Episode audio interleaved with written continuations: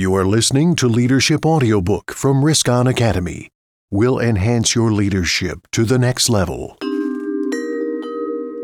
Produced by Risk On Academy, enhancing your personal development to the next level.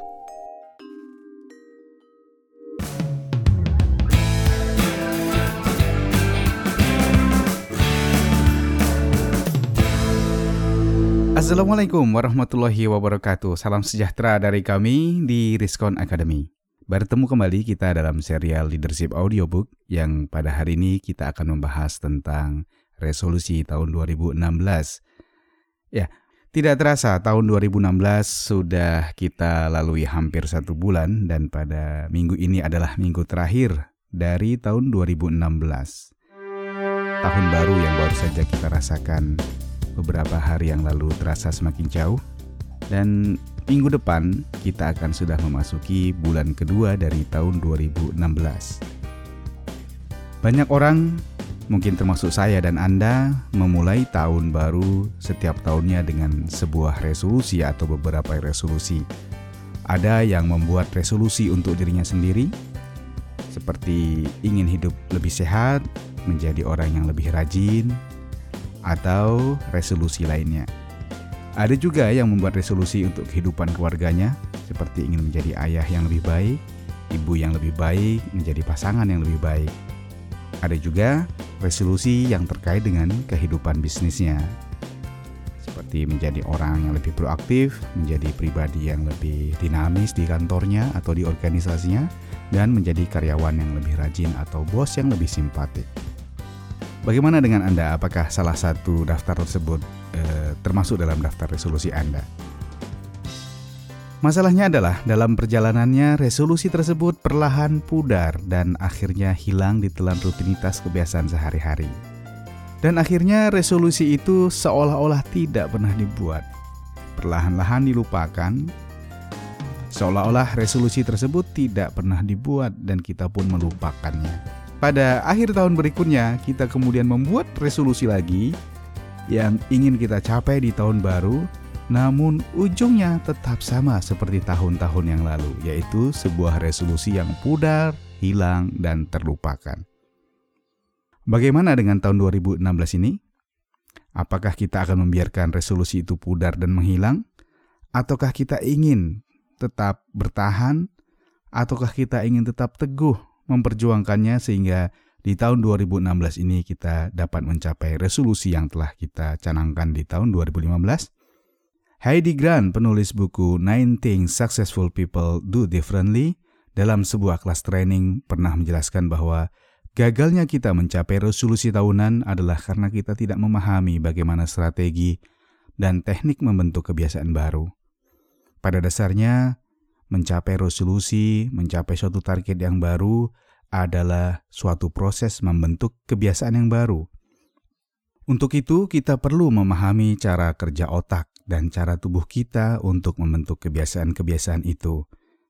Paling tidak, ada lima tahap sederhana yang dapat kita contoh, yang dapat kita lakukan untuk menyesuaikan cara kerja otak dan tubuh kita agar target yang ingin kita capai tersebut atau kebiasaan baru yang ingin kita peroleh tersebut dapat tercapai. Pertama adalah pentingnya membuat sebuah target kunci atau key target. Banyaknya target resolusi sering kali menjadi penyebab gagalnya kita mencapai target itu. Fokuslah pada hal yang terpenting dari hal-hal penting lain dalam hidup Anda. Bila kita dapat menemukan key target, maka kita dapat fokus pada dua atau tiga hal terpenting dalam resolusi kita. Selanjutnya, bila kita telah menguasai target-target tersebut, maka kita dapat beralih dan mengejar target lainnya. Pikirkan juga bagaimana tujuan tersebut dalam tingkat kebiasaan, karena seperti yang telah kita bahas tadi, banyak sekali target perbaikan dalam diri kita sebenarnya adalah terkait dengan membuat kebiasaan baru.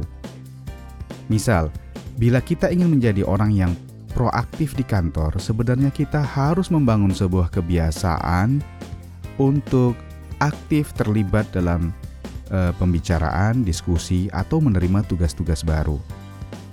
Demikian juga misalnya dengan kelebihan berat badan. Sebenarnya hal itu terjadi karena adanya kebiasaan makan dan minum kita yang tidak sehat. Dan ketika kita ingin mencapai suatu resolusi untuk mengurangi berat badan, pada dasarnya kita sedang berusaha untuk mengubah kebiasaan tersebut. Jadi, penetapan resolusi sebaiknya diikuti dengan penetapan habit, kebiasaan apa yang paling mendasar untuk kita tangani, yaitu kebiasaan yang dapat memicu kebiasaan lainnya, yang perubahannya akan memberikan dampak perubahan pada kebiasaan-kebiasaan lain. Misalnya, bila kita ingin menjadi pribadi yang lebih rajin, lebih aktif, dan salah satu kebiasaan tersebut adalah dengan menjadikan kita orang yang selalu bangun lebih pagi sebagai sebuah resolusi, maka identifikasilah kebiasaan apa yang mendorong kita untuk dapat bangun pagi. Misalnya, kita membiasakan diri untuk menyetel alarm atau meminta bantuan teman atau saudara kita untuk membangunkan kita di pagi hari. Demikian juga, kita perlu mengidentifikasi kebiasaan-kebiasaan apa yang membuat kita tidak dapat bangun pagi. Misalnya, kebiasaan kita untuk menonton hingga larut malam, bermain game hingga larut malam, atau aktivitas lain di malam hari hingga larut yang tidak berguna. Tahap kedua adalah membuat target tadi menjadi sesuatu yang jelas, spesifik, dan terukur. Salah satu sebab mengapa resolusi kita sering gagal di tahun-tahun lalu adalah karena target tersebut terlalu abstrak dan tidak terukur. Misalnya, kita ingin menetapkan target mengurangi berat badan, menjadi orang yang lebih rajin, atau menjadi orang yang lebih proaktif di kantor. Target-target semacam ini adalah suatu target yang tidak jelas dan tidak spesifik bagi otak kita, sehingga otak kita akan mengalami kesulitan untuk mengidentifikasi cara dan mengambil keputusan apa yang harus dilakukan untuk mencapai itu. Bandingkan cara membuat target seperti mengurangi berat badan dengan target mengurangi 5 kg berat badan dalam 3 bulan. Bandingkan juga target menjadi lebih rajin menjadi target hadir di kantor 15 menit sebelum jam 8. Dan Anda dapat membuat contoh-contoh lain. Dengan demikian, otak kita akan lebih mudah memahami dan mencari cara untuk membuat keputusan untuk mencapai target spesifik tersebut. Otak kita pada dasarnya bekerja secara autopilot membuat keputusan-keputusan eh, kita sehari-hari.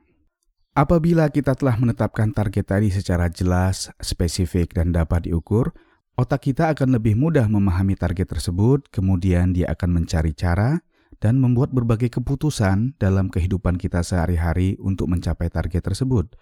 Misalnya, eh, target kita untuk mengurangi berat badan eh, sebanyak 5 kg dalam 3 bulan, di saat jam 10 kita ingin makan makanan e, sebagai cemilan, gorengan atau bakso atau makanan apa pun itu yang otak kita memahami itu tidak sehat dan tidak mendukung target kita, maka otomatis otak kita akan memberikan suatu penolakan.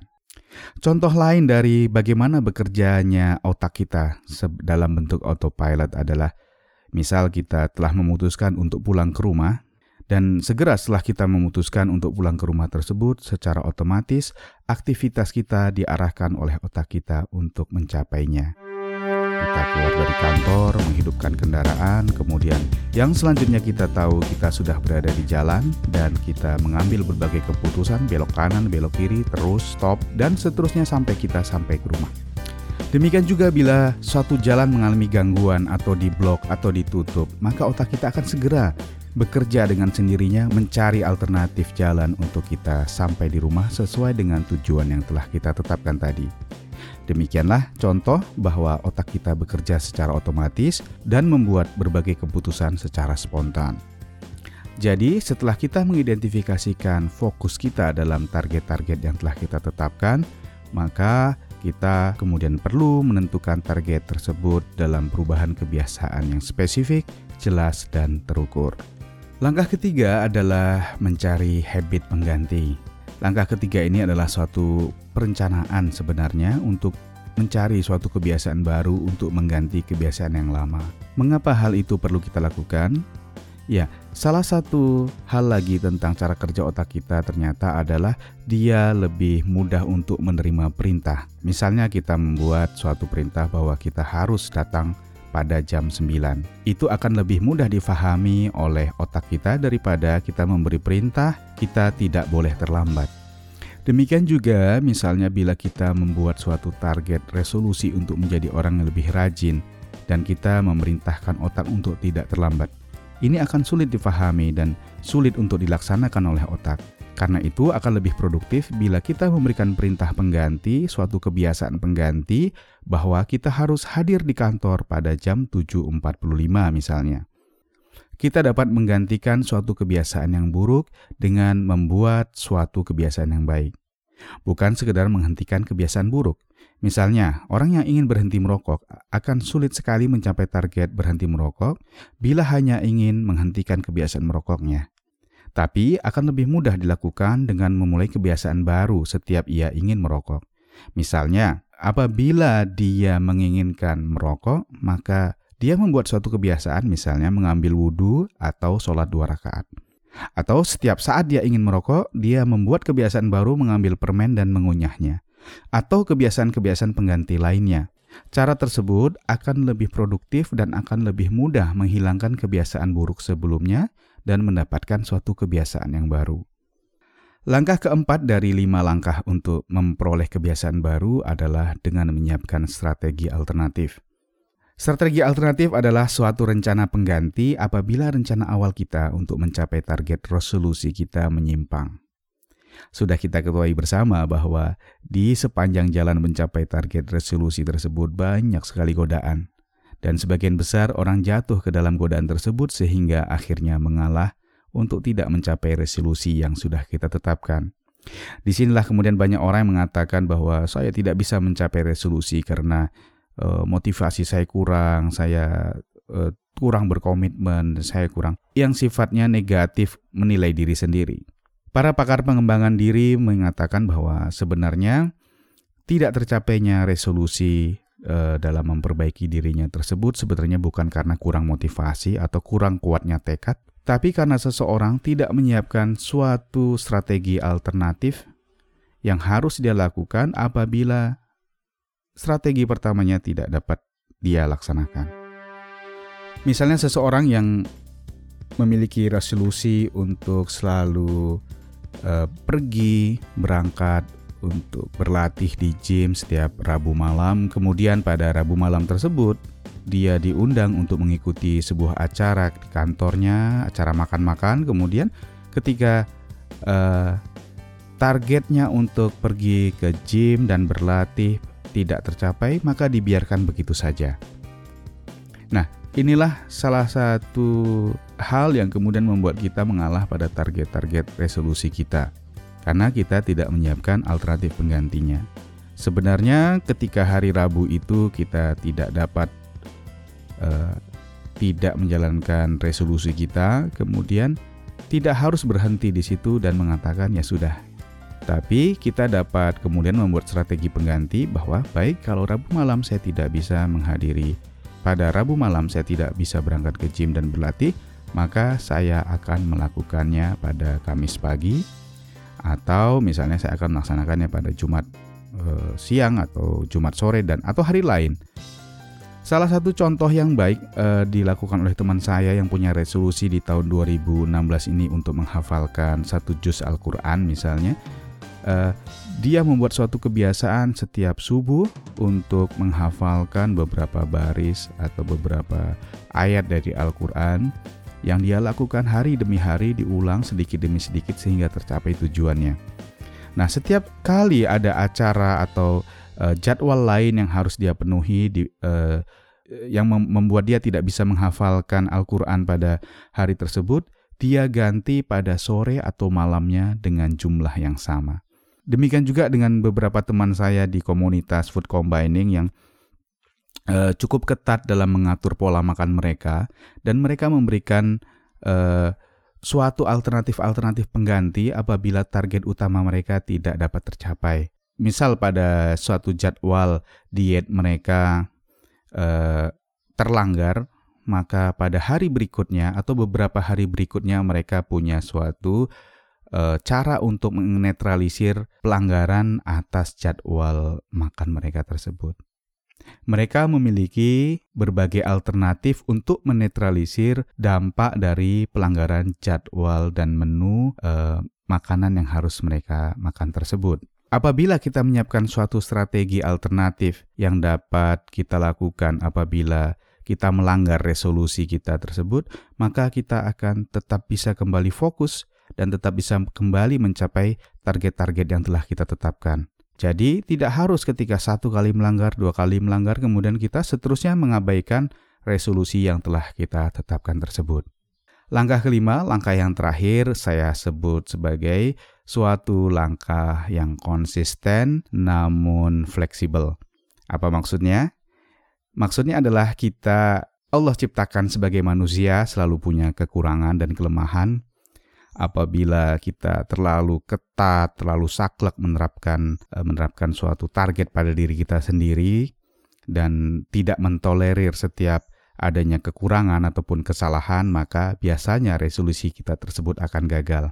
Lakukanlah pencapaian target resolusi tersebut secara disiplin, namun berikanlah ruang-ruang fleksibilitas untuk Anda tetap dapat menikmati kehidupan uh, dan menikmati kehidupan dan waktu-waktu Anda itu dengan lebih santai, dengan lebih manusiawi, sehingga pencapaian target resolusi tersebut tidak harus menjadi sesuatu yang menyiksa.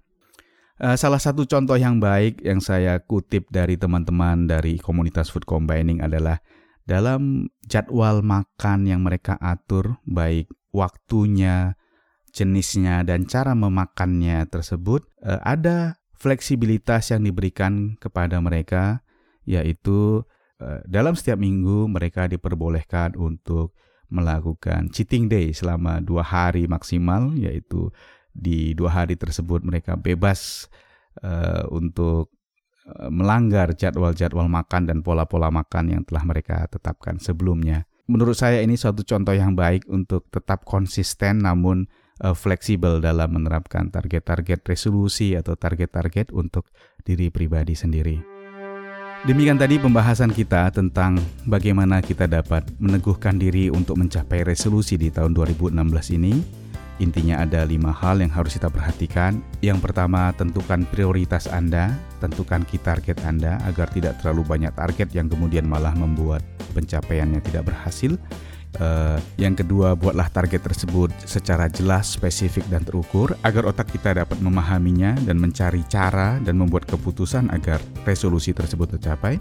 Yang ketiga, membuat suatu habit pengganti, jadi tidak sekedar menghilangkan suatu kebiasaan buruk, tapi memberikannya suatu pengganti berupa kebiasaan yang lebih baik. Keempat, menyiapkan strategi alternatif apabila target utama kita terganggu atau tidak dapat kita laksanakan, kita mempunyai berbagai alternatif cara untuk tetap mencapainya. Dan kelima, eh, jalankanlah pencapaian target resolusi tersebut secara konsisten, namun berikanlah fleksibilitas yang memadai untuk diri Anda sendiri. Semoga pembahasan ini bermanfaat untuk kita semua dan pada tahun 2016 ini kita dapat mewujudkan resolusi yang telah kita tetapkan pada awal tahun ini. Assalamualaikum warahmatullahi wabarakatuh. Produced by Riskon Academy, enhancing your personal development to the next level.